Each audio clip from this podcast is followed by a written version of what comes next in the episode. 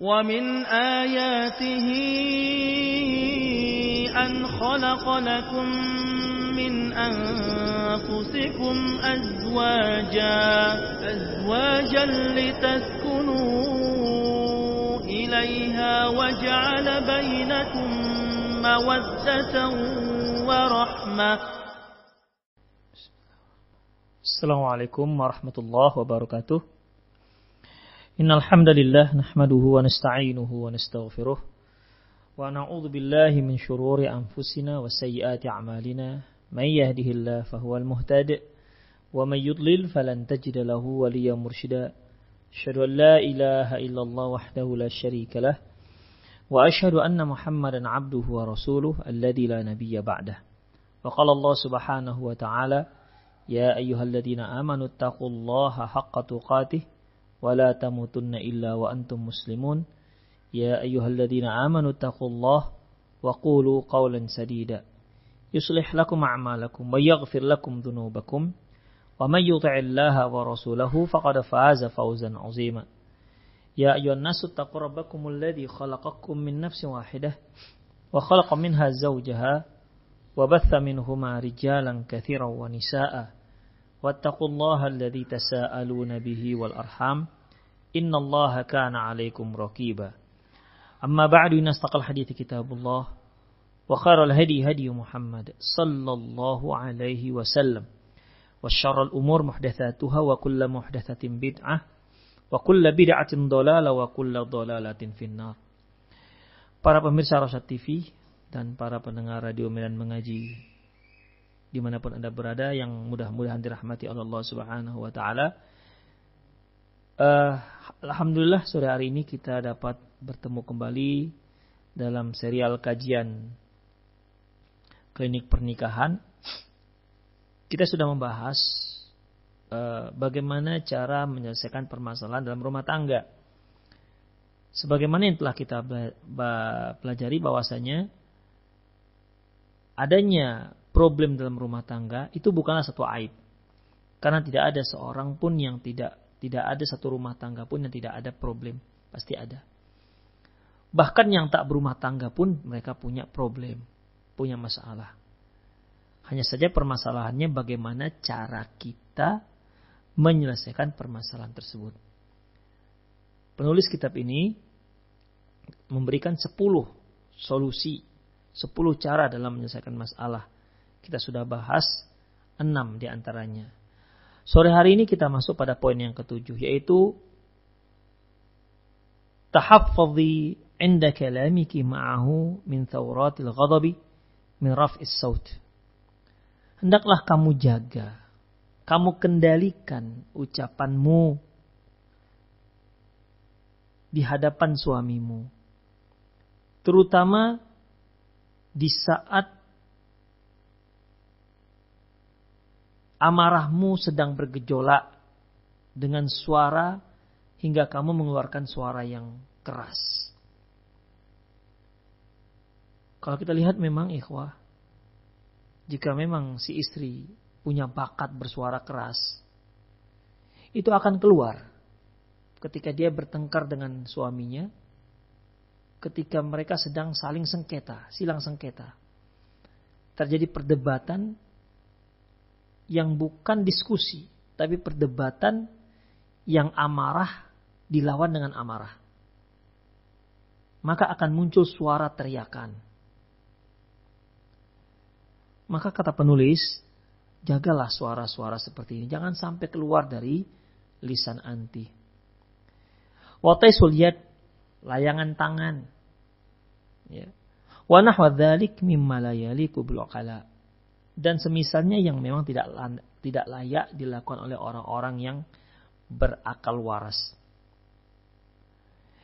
Asaminah yang kena yang kedelapan, idza zada ta'ajjuji, idza idza zada ta'ajjujul muskilati apabila masalah, problem itu semakin rumit, semakin ruwet, wa ra'aiti anna mada anna madaha madaha yamtaddu. Wara'aiti anna maddaha qad yamtaddu. Kamu melihat masalahnya sudah merembet ke mana-mana. Fabahathi an aqrabin nasi ila jadatid din wal aql. Hendaklah kamu cari orang dari kalangan kerabat. Ya, orang-orang terdekatmu yang kamu lihat agamanya matang. Yang kamu lihat cara berpikirnya juga matang. Jadi tentunya ikhwah tidak sekedar orang yang terdekat, tapi kita harus memilih orang yang agamanya bagus, cara berpikirnya bagus, dan orangnya bijak. Begitu. Jadi bukan sekedar orang yang dekat. Karena kalau kita salah pilih, bukan masalah yang tambah uh, yang bisa diselesaikan, tapi orang ini malah membuat masalah baru. Wa iyyaki aqrabun nas ila atifatiki. Hati-hati kamu jangan sampai kamu memilih orang-orang yang seperasaan denganmu. Ikhwah berbahaya ini. Kalau seorang istri bertengkar, kemudian dia tidak bisa menyelesaikan masalahnya, dia carilah orang ketiga yang seperasaan dengan dia. Tentunya sudah bisa kita gambarkan bagaimana kesimpulan dari orang tersebut. Dia pasti punya kesimpulan yang sama dengan si istri. Namanya juga satu perasaan. Fal awal saufa yushiru alaiki biminzar din wal aql. Adapun orang yang pertama, ya, orang yang pertama yang matang akal dan agamanya, dia akan memberikan kamu petunjuk-petunjuk yang dia lihat melalui kacamata agama. Dan dia akan melihat melalui kacamata akal yang matang tadi itu. Tidak sembarangan. Wa yaqdi laki ma'alaiki bikuli insaf. Dia akan putuskan sesuatu apa yang harus kamu kerjakan, apa yang wajib kamu lakukan, apa yang uh, apa yang berhak kamu terima, apa yang uh, begitu. Jadi dia akan putuskan masalah anti ya mana yang benar dan mana yang salah. Mungkin dari istri ada yang salah, ada benarnya. Suami juga begitu. Sehingga dia akan memutuskan perkara ini dengan sangat adil. Tidak berpihak dengan siapa pun. Wa amma sahibul atafi, atifi, falai yukhrija an masyrabiki wa madhabiki. Adapun mereka yang punya perasaan yang sama denganmu, dia akan berpikir sama dengan dirimu. Dia akan berpendapat sama dengan dirimu. Wasayushariku kil hukma fil qadiyah sehingga keputusan dia sama dengan keputusanmu. Kata Syekh. Barubbama hamala ma'aki minal halqi minal hanki wal ghaidhi 'ala zawj. Bahkan bisa saja dia malah membuat anti semakin jengkel, semakin marah dengan dengan suamimu. Jadi bahasa kita provokator. Tadinya suami istri nggak begitu marah, hanya jengkel dengan suaminya. Tapi ketika datang orang yang ketiga, yang seperasaan dengan dia, ini jengkel berubah menjadi marah atau semakin terbakar sang istri kemarahannya terhadap sang suami. Begitu masuk orang ketiga, bukannya semakin reda, malah istri dianjurkan untuk minta cerai. Nauzubillah min dalik. Makanya ibu-ibu, ketika ibu ada masalah, ya, dan ingin meminta pendapat ke orang lain, hati-hatilah, pilihlah orang ini Jangan sembarangan memilih orang meminta pendapat dia dalam menyelesaikan masalah rumah tangga internal anti. Jangan ibu cari orang-orang yang seperasaan dengan ibu. Sebab dia tidak akan menyelesaikan masalah. Dia tidak akan memutuskan perkara dengan adil. Dia akan berpihak. Ya, dia akan berpihak. Dan dia akan membela orang yang sepihak dengan dia. Kalau dia kebetulan berpihak dengan ibu atau dengan anti, ini malah dia akan membuat ibu semakin marah dengan suami ibu. Dan tidak jarang orang seperti ini malah menjerumuskan temannya yang meminta pendapat ya untuk bercerai dengan suaminya. Makanya hati-hatilah meminta orang yang meminta orang ketiga dalam menyelesaikan masalah. Ingat ikhwah, yang lalu telah kita selesaikan kita kita bahas bahwasanya jangan minta orang ketiga sebelum kita berupaya sebelum suami istri berupaya secara internal menyelesaikan masalah mereka berdua. Karena pada dasarnya yang menyelesaikan masalah rumah tangga mereka ya suami dan istri, bukan orang lain, bukan ibunya, bukan ayahnya, bukan bapaknya, bukan kakaknya, bukan ustadznya. Ini dua orang ini. Selesaikan dulu berdua. Jika memang sudah tak selesaikan atau masalah berlarut-larut belum juga mendapatkan solusi. Atau masalahnya yang tadi kecil karena berlarut-larut menjadi semakin besar. Sehingga anti seorang sehingga ibu ataupun sang suami butuh orang ketiga untuk ikut campur tangan dalam masalah ini, maka carilah orang-orang yang memang bijak. Ya, orang yang bijak. Matang agamanya sehingga dia bisa me melihat permasalahan itu dari sisi sisi agama bagaimana dan matang akalnya. Kalau sekedar matang akalnya, nggak matang agamanya, nanti kalau ada seorang istri yang dia tengkar dengan suaminya karena suaminya menikah lagi, tentunya dia akan memberikan pendapat dia. Ya, dia tidak akan melihat dari sisi sisi agama. Oh nggak bisa, ibu harus gugat ini nggak bisa. Mendingan ibu harus cerai ketimbang ibu di madu. Wah kan begitu. Jadi parah jadinya. Dia nggak melihat dari sisi agama. Tapi lihatlah, cari orang yang memang dilihat melihat dari sisi agama. Demikian juga jangan cari orang yang satu perasaan. Seorang istri yang di, di, di, di, dipoligami oleh suaminya, cari juga minta pendapat ibu, seorang ibu seorang istri yang memang anti poligami bertambah, berkobar. Yang tadinya hanya asap-asap dikit, uh, ketika mendapatkan komentar dari ibu yang anti poligami itu, uh, mulai berapi, berapi, berkobar-kobar, membakar apa yang ada depan dia. Ujung-ujungnya minta cerai. Padahal masih rencana. Ini gara-gara apa Ikhafiddin? Keliru dalam meminta pendapat. Hati-hati. Suami juga begitu sebenarnya. Ketika dia ada masalah dengan istrinya, kemudian dia tidak bisa menyelesaikan masalah, ya. Hati-hati meminta orang lain dalam memberikan pendapatnya. Kalau dia salah, bisa saja nanti orang tersebut keliru dalam memberikan penyelesaian. Atau malah dia provokator. Kalau saya macam begini sudah saya tendang aja, saya cerai aja. Untuk apa perempuan seperti ini dipelihara? Bisa seperti itu bahasanya. Kan kamu pemimpin. Kamu yang ngatur. Ikhwah memang suami yang ngatur. Tapi tindakan bijaknya bagaimana? Islam memang mengatakan suami itu pemimpin. Ar-rijalu kawamuna 'alan nisa. Lelaki itu pemimpin atas laki-laki. Eh, lelaki itu pemimpin atas kaum perempuan. Betul itu. Lau kuntu amiran ayas juga ahadun li ahadin la amartu imratan antas jadi zaujiha. Seandainya aku diperintahkan, dibolehkan untuk menyuruh seorang sujud kepada orang lain, niscaya yang pertama aku suruh sujud adalah si istri kepada suami. Li'adhami haqqi 'alaiha. Dikarenakan besarnya hak suami terhadap istri. Betul Anda. Tapi ingat, ya. Dalam menyelesaikan masalah, Islam tidak menyuruh tindakan otoriter. Tidak tetap khairukum khairun li ahli wa ana khairukum li ahli. Sebaik-baik kalian adalah orang yang paling baik terhadap keluarganya, yang paling baik terhadap istrinya. Dan aku adalah orang yang paling baik terhadap istri-istriku. Kata Rasulullah SAW. Ini ini standar hukum, standar penilaian seorang laki-laki itu baik apa tidak. Jadi tidak digunakan kuasa otoriter. Enggak. Jadi yang kuasa penuh itu itu untuk diberitahu sang istri. Ini loh deh, ini loh istri, suami itu punya hak penuh terhadap sang istrinya. Nah, itu untuk istri. Tapi untuk para suami, khairukum khairul li ahli. Pegang hadis ini. Sebaik orang yang terbaik di antara kalian adalah yang paling baik terhadap istrinya. Pegang yang ini.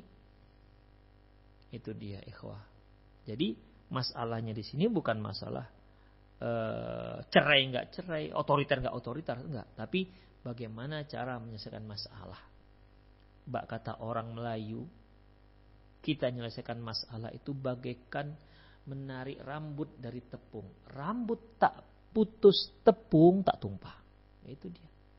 Jadi solusinya itu dari sebuah problema rumah tangga, Tidak ada dampak negatif sama sekali. Kalau bisa begitu. Demikian ikhwah. Ya. Jadi dalam masalah ini hati-hati dalam mencari orang ketiga untuk menyelesaikan permasalahan dalam rumah tangga. Kalau tidak fatazilul muskilah bidzalika tarfat. Kalau enggak, kalau keliru dalam memilih orang, maka akan muncul masalah yang ketiga dari sisi yang ketiga. Fatazdadu ta'qidan. Semakin terwetlah masalahnya. Yang tadinya hanya pertentangan antara suami dan istri. Kemudian masuk orang ketiga malah berpihak ke salah satu daripada uh, suami dan atau istri. Akhirnya kan menjadi atau mungkin dia buat front yang lain yang berbeda dengan suami dan istri. Walihada kana akrabun nas ila atifati zaujati hunna ummahat. Oleh karena itu, orang yang paling dekat dengan perasaan para istri yaitu ibunya. Ibunya. Wa ma'adzalika la yadkhul ghalibal ummahati bi khairin fi qadayati banatihinna. Oleh karena itu, umumnya kalau ibu-ibu sudah ikut campur dalam menyelesaikan masalah putrinya, putri kandungnya, ya. Maka dalam masalah ini uh, tidak menyelesaikan masalah. Liannahunna yadkhulanna bidawa'il atifati la bida la bid'awad din wal akal. Karena ibu-ibu ini dia akan menyelesaikan, dia akan masuk menyelesaikan masalah dan menyelesaikannya dengan dengan perasaan, bukan dengan agama dan akal yang cerdas. Itu dia. Fatakunul um nuskhatun ukhra min bintiha dengan karena sebenarnya karena sebenarnya ibu itu anak-anak putri ini, ya anak perempuan ini, itu sebenarnya kopi pasti dari ibunya. Ya, kopi pasti dari dari ibunya. Jadi kalau ibunya lah diminta untuk menyelesaikan masalah. Ini umumnya kita katakan secara umum bukan semua ibu ndak. Banyak juga ibu-ibu yang bijak, banyak juga ibu-ibu yang ibunya seorang ibu kandung diminta oleh anak gadisnya diminta oleh putrinya yang sudah berumah tangga menyelesaikan masalah alhamdulillah bisa selesai. Tapi umumnya makanya di sini penulis Syekh Badr bin Ali Al-Utaibi beliau menyatakan umumnya kalau orang ketiga itu adalah ibu si istri umumnya tak menyelesaikan masalah. Kenapa? Karena perasaan si ibu sama dengan perasaan si si anak dia akan pro dengan anaknya. Sekali lagi ini umumnya, tidak semua. Kalau ternyata anti atau ibu punya orang tua tak seperti itu, berarti itu tidak termasuk dalam keumuman. Dia seorang ibu yang istimewa. Fa'alaihi ini tajti ini tajti ila ra'yin rasyidin yadulluki wa yahdiki fi muskilatin minal masyakili ba'da badli was'aki ba'da badli was'iki fi haliha fab'athi an sahibid din wal aql. Oleh karena itu, apabila anti, apabila ibu, seorang perempuan, seorang wanita ingin mendapatkan pendapat yang bagus, pendapat yang apa namanya, pendapat yang bagus, yang baik yang bisa menyelesaikan problem rumah tangga, ya tentunya setelah dia ber, sudah berupaya menyelesaikan masalahnya sendiri tapi nggak bisa, maka carilah seorang yang memiliki agama yang matang, agamanya bagus dan akal dan juga cerdas. Ya, di samping dia kalau dia laki-laki, di samping dia seorang laki-laki yang soleh, dia juga seorang laki-laki yang cerdas. Soleh saja tidak cerdas nggak bisa. Cerdas saja nggak soleh nggak bisa. Demikian ikhwah. Ya. Wasduki ma'ahu fit taswiri al-mushkilati likayuwafiku ra'yahu al-mahal. Dan jujurlah kamu wahai ibu, wahai istri dalam memberikan gambaran permasalahan kamu agar orang yang dimintai pendapat itu bisa memberikan pendapatnya tepat pada sasaran yang yang memang kita inginkan. Demikian. Ya. Kemudian Wayanfa'ul ilaju fi maradi fil maradi sehingga terapi itu bermanfaat untuk mengobati penyakit. Penyakit ini kan masalah. Ya. Solusi itu merupakan obat. Jadi kalau obatnya pas dengan penyakitnya, maka penyakit bisa sembuh. Kalau solusinya tepat tepat dengan cocok dengan masalah, maka masalah bisa hilang. Seperti obat. Obat kalau dia tepat pas dengan penyakitnya, penyakit akan hilang. Wadhalika li'anna ba'dal mustarshidat mustarshidati tusawwiru mushkilataha ma'a zawjiha bitaswirin yukhaliful waqi'. Karena sebagian istri ada yang menggambarkan, ada yang menceritakan masalah mereka, masalah mereka dengan suami mereka tidak seperti yang sebenarnya. Jadi dia menceritakan masalahnya. Dia misalnya ini, ada orang ketiga dia minta dia dia mungkin dia pergi kepada seorang syekh lah. Dia mau ber, bertanya gimana cara solusi, gimana solusi masalahnya. Ada masalah dia, terjadi masalah antara dia dengan suaminya, mungkin masalah besar, kecil ataupun sedang terserah. Ya. Dia datang ke masyayikh, datang seorang ke seorang alim. Dia menceritakan masalahnya. Ya. Dia menceritakan masalahnya tapi tidak jujur tidak sebagaimana yang semestinya, tidak seperti yang sebenarnya. Ya tentunya seorang ustadz, seorang alim, seorang syekh akan memberikan jawaban sesuai dengan gambaran pertanyaan. Ya, sesuai dengan gambaran pertanyaan. Contohnya ikhwah. Kalau ada ya, kalau ada yang bertanya, "Syekh, si A membunuh si B. Itu apa hukumnya?" ya semua orang akan menjawab haram. Si A salah. Karena apa? Karena si A membunuh si B. Kalau memang seperti itu. Tapi kalau diceritakan, Syekh, si, si B tadi yang tadinya mau membunuh, menyerang si A. Setelah terjadi pergulat, pergulatan, si B mau mengambil harta si A. Setelah diambil harta mau dibunuhnya si A. Tapi setelah terjadi pergulatan, ternyata si B kalah. Si A membunuh si B. Coba, kira-kira jawabannya beda apa enggak? Jelas berbeda. Ya. Jelas berbeda. Yang pertama si A, infonya hanya sekedar si A membunuh si B. Ya jelas salah lah si A. Tapi kalau ada latar belakang diceritakan, si B tadi mau mengambil harta si A, setelah itu dia membunuh si A, tapi si A membela dirinya, dan akhirnya dia mampu mengalahkan si B dan membunuh si B. Semua orang akan mengatakan yang salah si B. Walaupun sama-sama si A membunuh si B. Hasilnya sama. Tetapi penggambaran daripada uh, penggambaran daripada permasalahan itu berbeda. Nah, demikian. Banyak ikhwafidin. Ada orang-orang yang nggak bertanggung jawab. Dia datang dari negaranya, dia ceritakan masalahnya, ya masalah di negerinya, sehingga si syekh pun memberikan jawaban.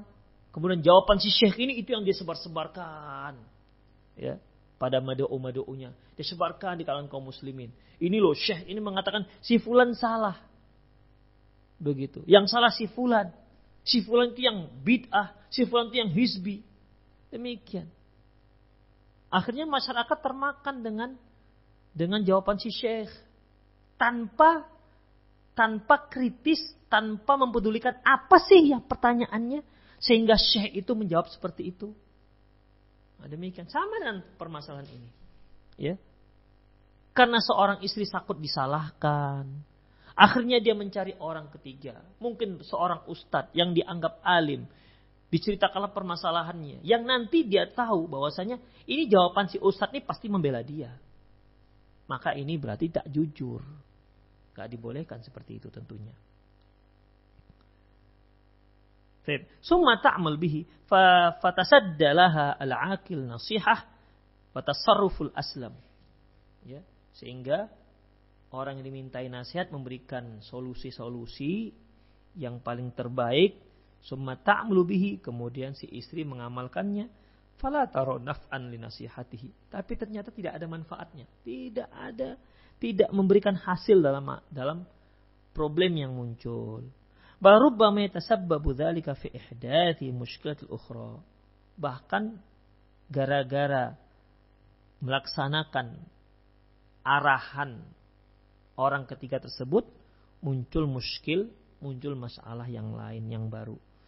Wa mahaluha illa kahalil marid yasifu tabib alaman fi batnin wa huwa yahussu bihi fi mautin ukhra mautin akhar yaitu seperti kondisi orang yang sedang sakit di mana dia menceritakan sakit di perutnya dia merasakan sakit di perutnya dia mengatakan sakit di perutnya padahal yang dia rasakan sakit di tempat lain. Begitu. Seorang seorang pesakit, ya seorang yang sedang sakit, sedang sakit, kemudian tanya dokter, di mana di mana sakitnya ibu? Kata si ibu menunjuk ke perut. Padahal nyeri dan sakitnya itu ada di betis. Ya otomatis si dokter kan nggak merasakan ya rasa sakit tersebut. Dia akan memberi obat yang lain. Kenapa? Yang dirasakan, yang diberitakan sampai ke dia, sakit itu di perut. Padahal si ibu nggak jujur. Sebenarnya sakitnya adalah di di betis, misalnya. Demikian. Seperti seorang yang flu misalnya. Flu, batuk, sesak nafas. Tentu dokter akan bertanya, e, ibu penciuman berkurang apa tidak? Oh enggak dok, karena takut dikatakan covid. Ya kan? Oh enggak bu ya, enggak. Eh apa namanya? Uh, diare enggak. Oh jadi ini sekedar batuk flu biasa aja bu, begitu. Tak apa-apa. Karena kalau dia covid, uh, berkurangnya indera penciuman, uh, akan ada mual-mual dan diare, itu baru ciri-ciri covid. Tapi kalau ibu enggak.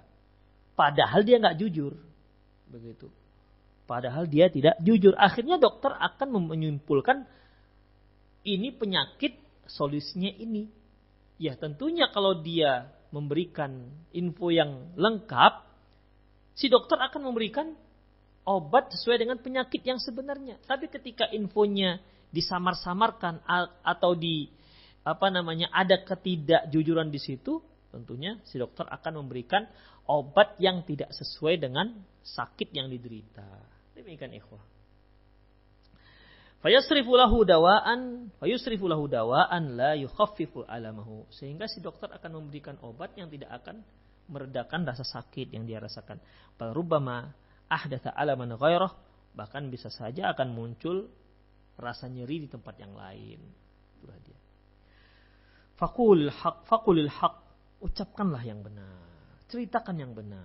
Walau kana alaiki, walaupun itu itu adalah kesalahanmu. Itu dia, walaupun itu adalah kesalahanmu. Dia tamakkan al-mursyidu laki wan nasihu minal bahthi an halil aslam lil muskilati. Agar orang yang dimintai pendapat itu, orang yang dimintai nasihat itu bisa memberikan solusi yang lebih tepat terhadap problem rumah tangga yang sedang menimpamu. Itulah yang ke-8 ya. Artinya ikhwah yang ke-8 ini carilah orang yang orang ketiga yang benar-benar bagus agamanya dan memang cerdas serta bijak. Ya, jangan cari orang yang satu perasaan.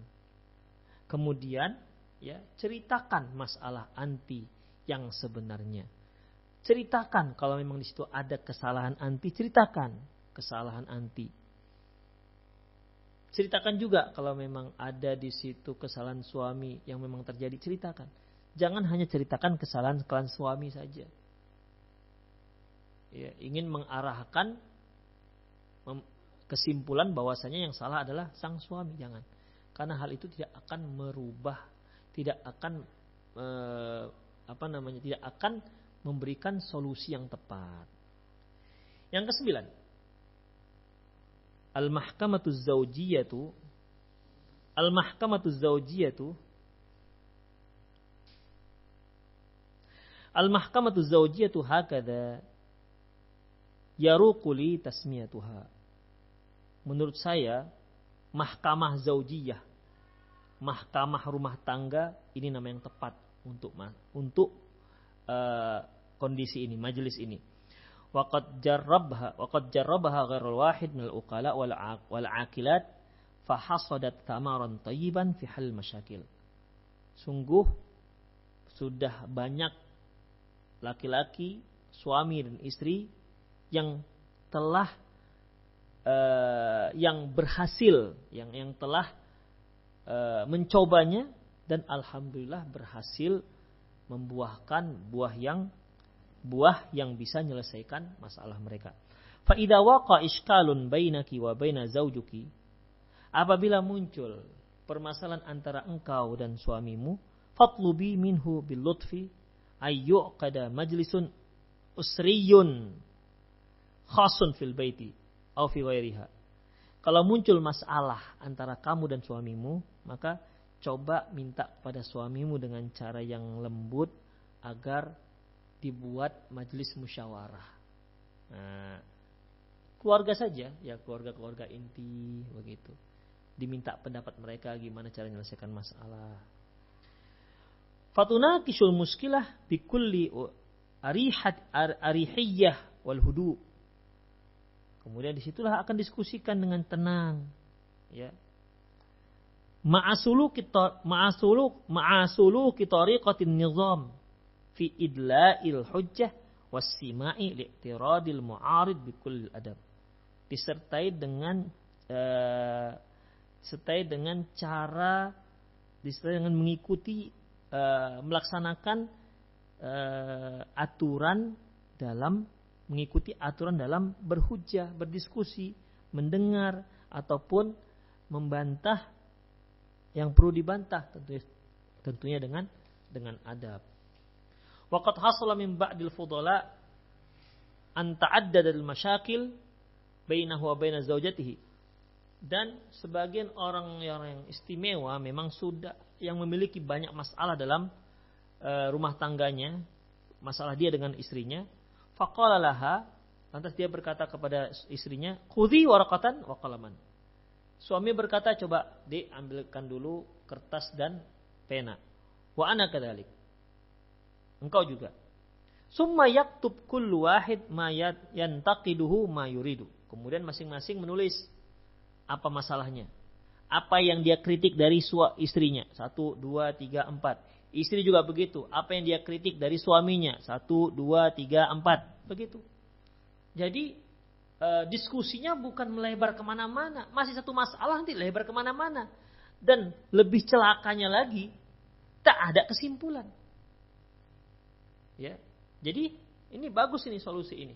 Coba masing-masing bawa punya kertas, masing-masing punya pena, ya. Atau walaupun tidak di majelis tersebut, ya si suami minta, dek coba adik tulis dengan tenang apa saja kesalahan abang dan abang juga akan tulis apa saja kekurangan-kekurangan adik. Nanti kita sinkronkan. Bagaimana? Setuju? Nanti kita bahas satu persatu. Masya Allah. Ya. Jadi ikhwah, yang seperti ini bagus. Summa natru dzalika kullah. Nanti baru dibahas. Fama tawassalna fihi ila halli wal falhamdulillah. Dan Alhamdulillah kami mampu menyelesaikan banyak masalah. Wa man lam natawassul bihi ila hallin fanuakhiruhu ila ayyasha Allah tashilul hallihi.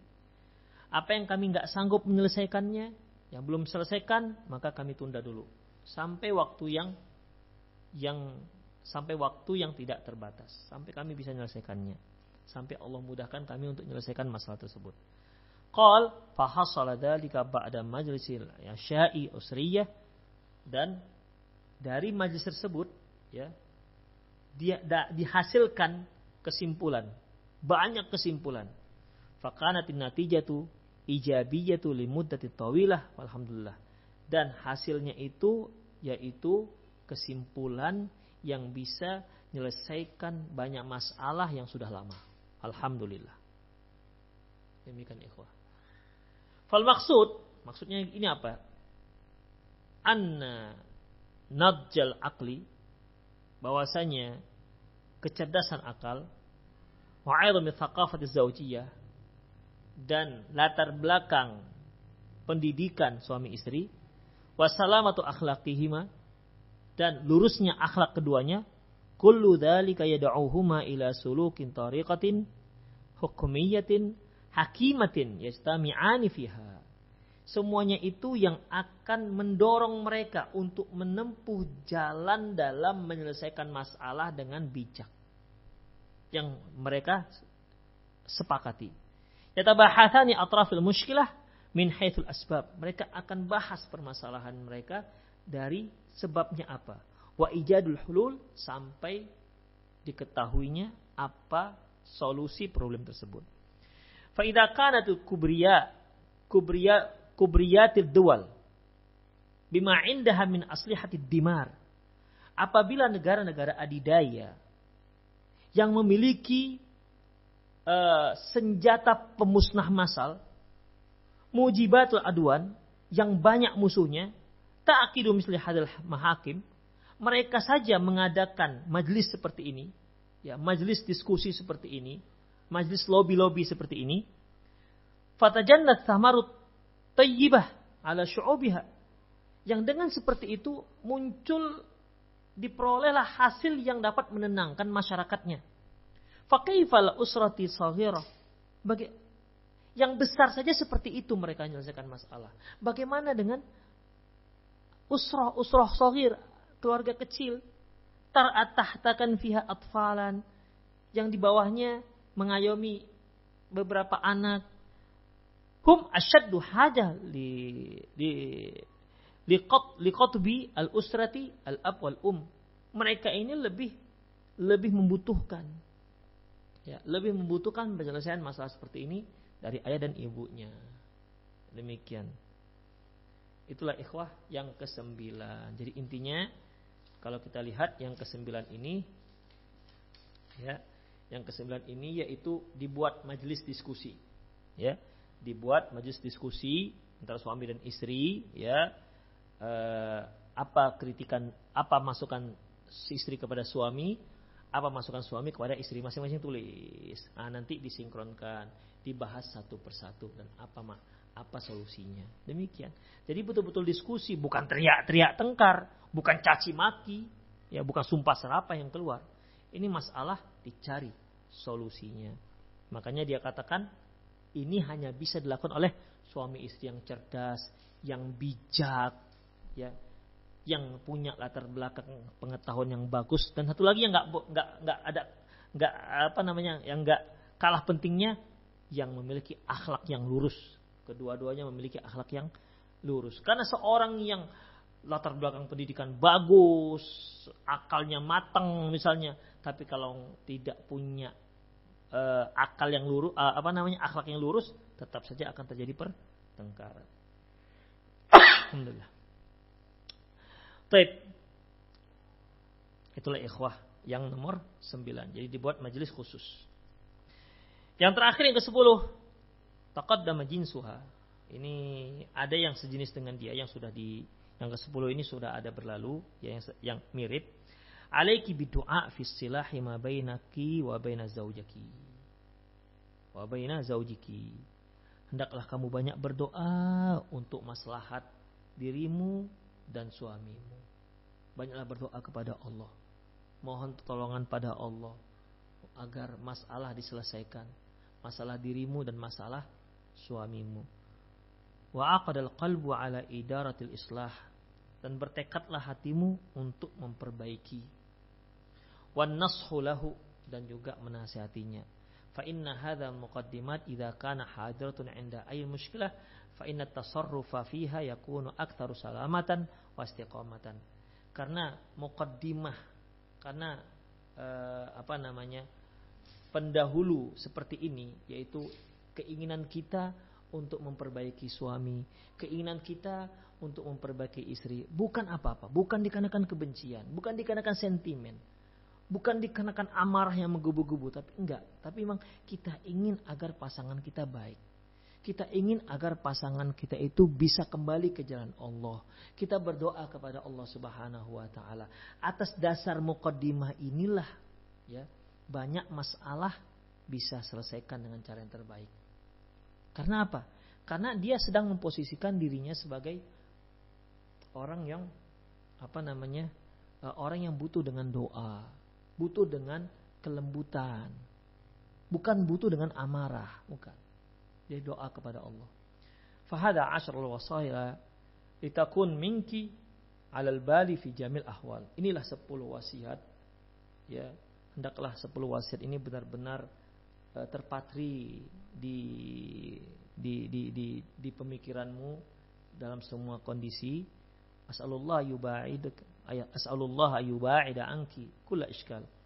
Kita mohon pada Allah agar engkau ya para istri dijauhkan Allah dari berbagai macam permasalahan. Wa ayuslaha laki zaujaki dan semoga Allah juga memperbaiki suamimu wa yuslihuki lahu dan memperbaiki kamu untuk suamimu.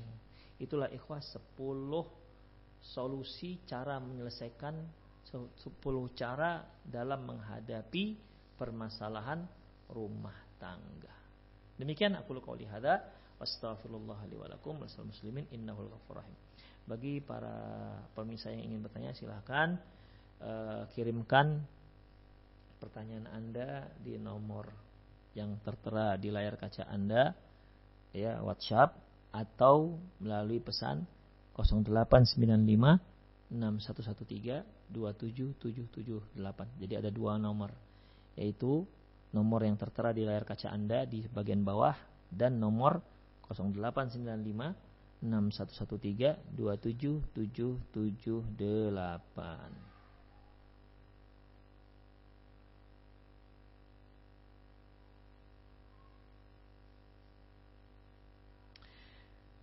Bismillah mau tanya, kan kalau anak perempuan hasil zina tidak boleh dinikahkan oleh ayah biologisnya, betul? Ayahnya juga tidak boleh menjadi wali nikahnya, betul. Nah, kalau anak itu tidak mau bagaimana hukum pernikahan anak perempuan yang dinikahkan ayah itu? Hukumnya nggak sah. Orang dia bukan walinya. Ya. Syarat menjadi wali itu dia harus uh, ayah biologis ditambah dengan akal pernikahan yang sah. Sekedar, sekedar ayah biologis saja itu tidak bisa dijadikan sebagai wali. Demikian ikhwah. Atau sekedar ayah sah akad dengan ibunya. Tapi kalau bukan kandung, bukan ayah kandung tapi ayah tiri, pernikahan dia seorang laki-laki sah dengan ibunya, tapi laki-laki itu bukan ayah kandungnya, maka nggak sah juga, nggak boleh jadi wali. La nikah illa biwali. Tidak sah pernikahan kecuali dengan wali. Jadi wali itu pertama ayah kandung. Ingat, ayah kandung bukan ayah tiri dan bukan ayah angkat.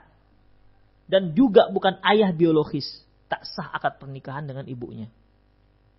Harus ayah kandung. Tidak ada ayah kandung. Ya. Tidak ada ayah kandung. Boleh dengan paman dari pihak ayah, dari pihak ibu nggak boleh. Tak ada paman, boleh apa namanya anak boleh, ya anak laki-laki. Demikian ikhwah. Atau kakek, tapi kakek dari pihak ayah, bukan kakek dari pihak ibu. Demikian ikhwah rahimani Allah wa iyyakum. Ya.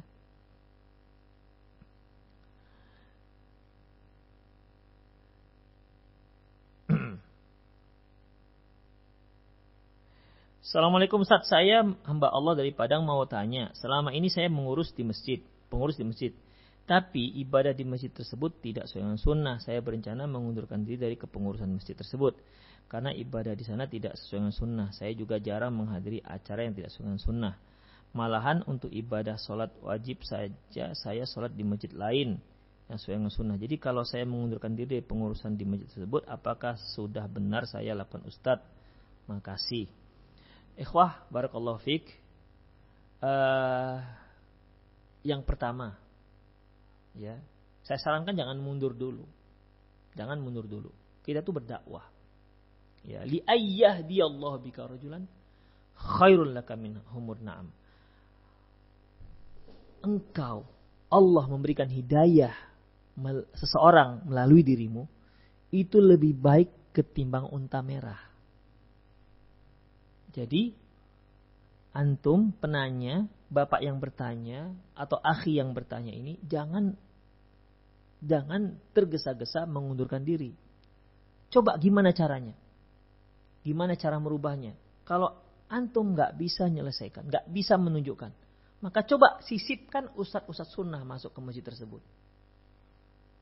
Karena Rasulullah SAW bersabda dalam hadis yang diriwayatkan oleh Muslim, "Mandalla al khair falahu mislu ajri fa'ili." Barang siapa yang menunjukkan kebaikan, menunjukkan kebaikan, maka dia mendapatkan pahala seperti orang yang melakukannya.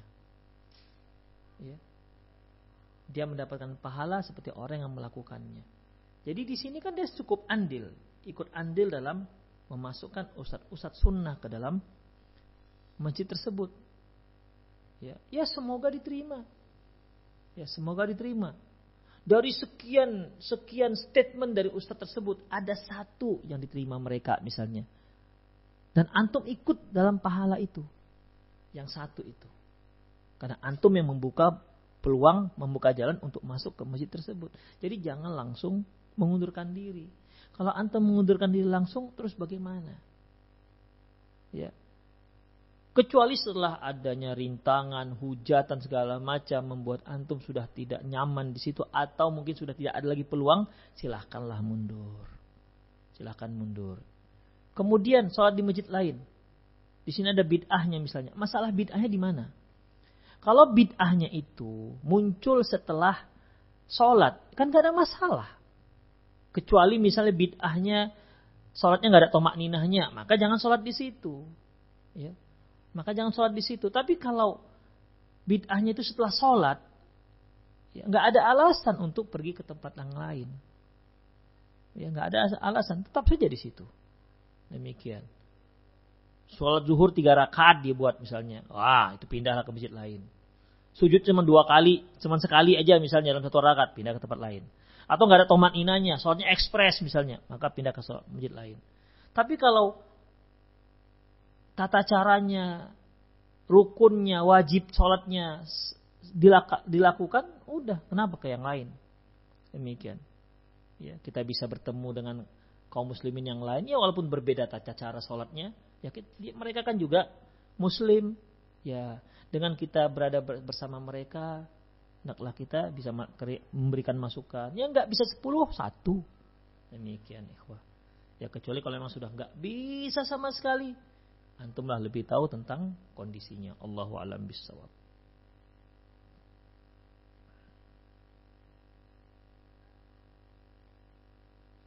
Assalamualaikum Ustaz, si abang anak dari hasil zina, bolehkah dia menikahkan adiknya? si abang dari hasil zina bolehkah dia menikahkan adiknya Allahu alam bisawab nggak dibolehkan ya tidak dibolehkan Ustaz, apakah pembukuan Al-Quran termasuk bid'ah? Ikhwah rahimani Allah wa iyyakum. Mengenai dibukukan Al-Quran, ya, dikumpulkannya Al-Quran, jelas tidak termasuk bid'ah. Rasulullah Sallallahu Alaihi Wasallam bersabda, uh, beliau mengatakan dalam hadis Irbad bin Sariyah ya beliau mengatakan bahwasanya fa innahu may ya'ish ba'di minkum fasara ikhtilafan katsira Barang siapa yang hidup setelahku nanti dia akan melihat banyaknya perbedaan-perbedaan. Lantas alaikum bisunnati wa sunnah khulafa rasyidin al-mahdiyyin. Addu alaihi bin nawajid. Addu alaiha bin nawajid hendaklah engkau pegang dalam kondisi banyaknya perbedaan-perbedaan di kalangan kaum muslimin. Peganglah sunnahku dan sunnah para khulafa rasyidin. Gigit dia dengan gigi gerahammu. Coba perhatikan. Siapa khulafa rasyidin? Abu Bakar As-Siddiq radhiyallahu anhu, Umar Al-Faruq, Umar Khattab Al-Faruq radhiyallahu anhu, Utsman bin Affan dan dan Nuraini radhiyallahu anhu, Ali bin Abi Thalib radhiyallahu anhu, empat khulafa rasyidin. Pegang sunnah mereka. Dan pembukuan Al-Quran itu, pembukuan Al-Quran itu ikhwah, pengumpulan Al-Quran, ide, ide pengumpulan Al-Quran dibukukan jadi satu, itu muncul pada zaman khilafah Abu Bakar Siddiq radhiyallahu anhu. Ketika Rasulullah wafat, ketika Rasulullah Shallallahu Alaihi Wasallam wafat, maka tampuk kepemimpinan dipegang oleh Abu Bakar As-Siddiq radhiyallahu anhu. Maka orang-orang dari sekitar Madinah itu banyak yang murtad. Termasuk daerah Yamamah. Di sana ada seorang yang mengaku nabi, namanya Musailamah Al-Kadzab.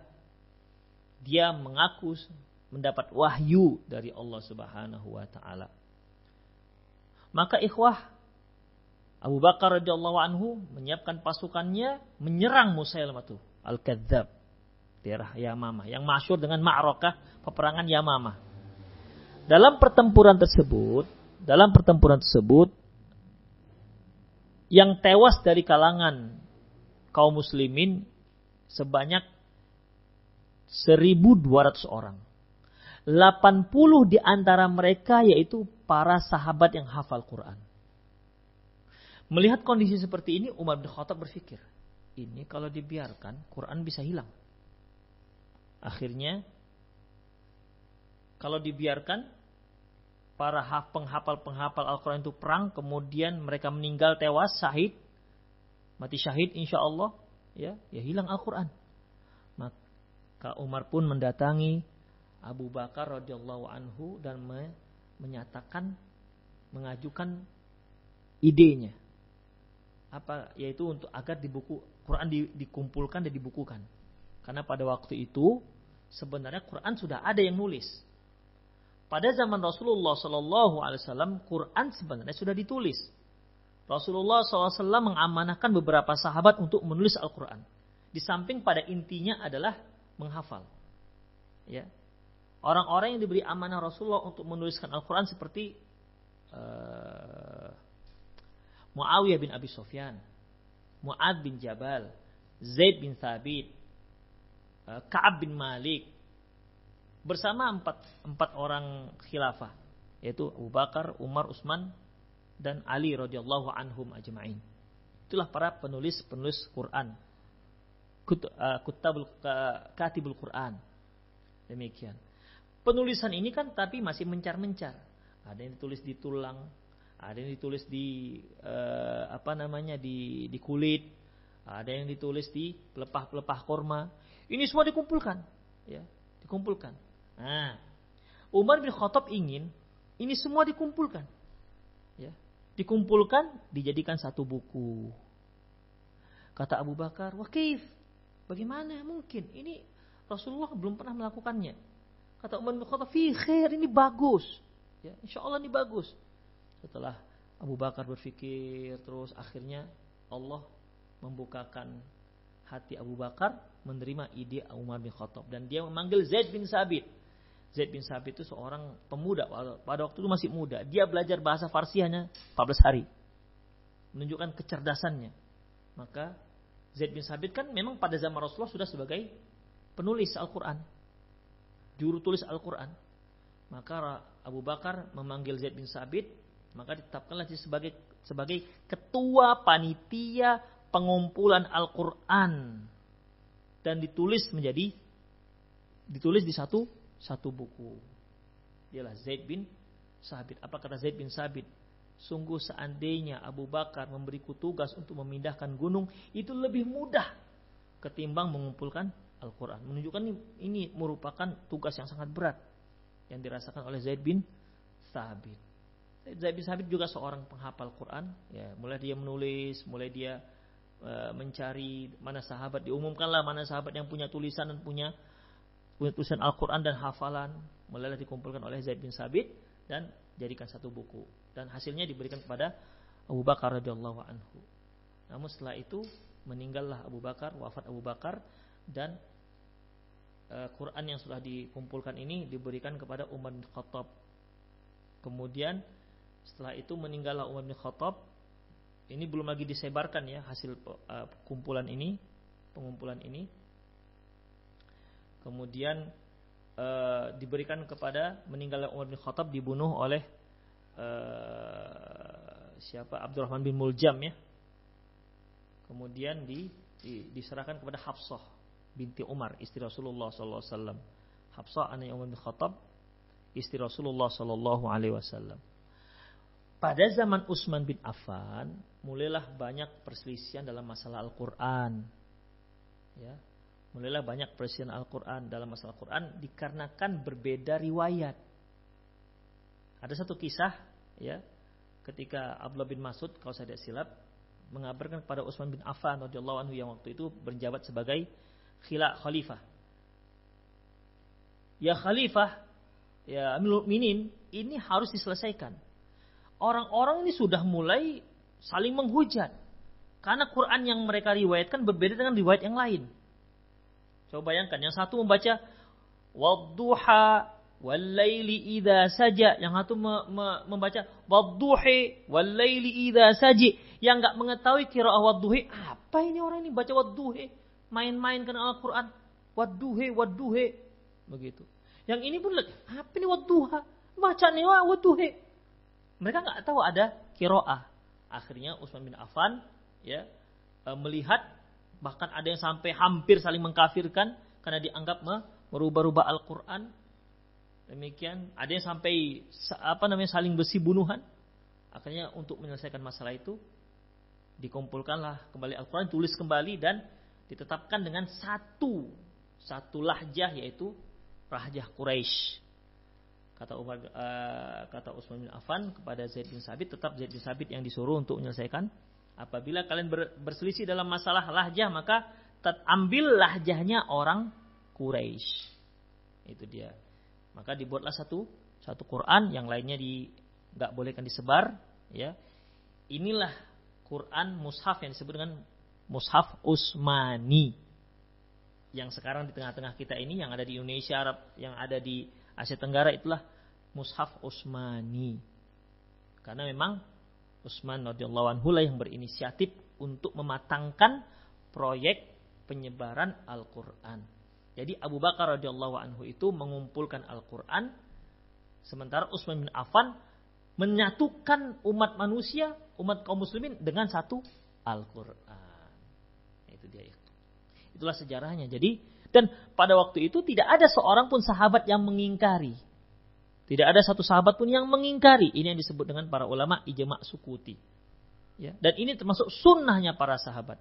Seperti yang dikatakan Rasulullah tadi, Alaikum bisunnati, pegang sunnahku dan sunnah para khulafa rasyidin al-mahdiyyin dan sunnahnya para khulafa rasyidin al-mahdiyyin. Abdu alai bin nawajid, gigit dia dengan gigi gerahammu.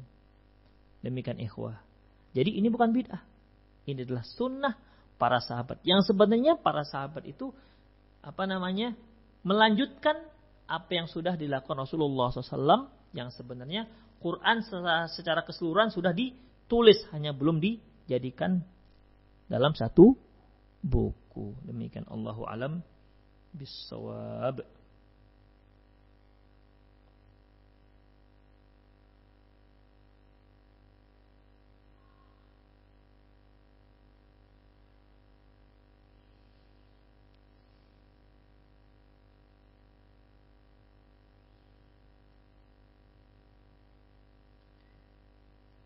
Ustadz mau tanya kalau anak perempuan hasil zina tidak boleh dinikahi ayah, dinikahkan ayahnya. Ya udah tadi sudah tidak boleh menjadi wali nikah. Nah, kalau anak itu tidak mau tidak bagaimana Ustadz pernikahan perempuan yang dinikah ayahnya apakah harus diulang? Iya, kalau sudah nggak sah diulang. Gimana lagi? Diulang. Diulang dan yang menikahkannya adalah wali hakim. Ya. Diulang dan menikahkannya wali hakim. Dan kalau menikah ulang dengan menjadi wali wali hakim, apakah penghulu kampung yang biasa menikahkan termasuk wali hakim? Iya.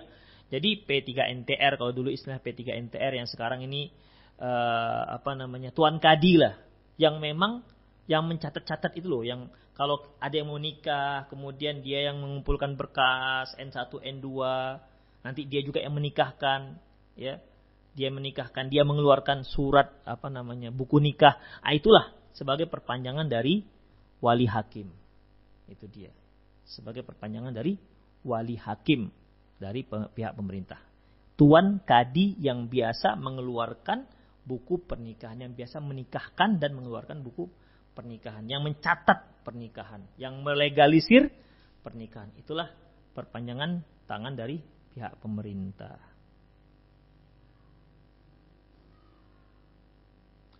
Apa yang membunuh Umar bin Khattab setahu anak? Iya, Abu Lu'lu ya, Abu Lu'lu. Bukan Abdurrahman bin Muljam. Abu Lu'lu ya. Nah, Abu Lu'lu. Baik, jazakallah khairan.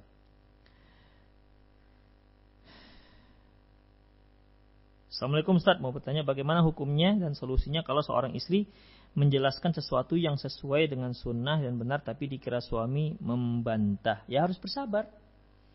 Ya, harus bersabar. Nah, ini kan namanya si istri memberikan uh, solusi sesuai dengan sunnah. Ya. Sekarang ikhwah perhatikan.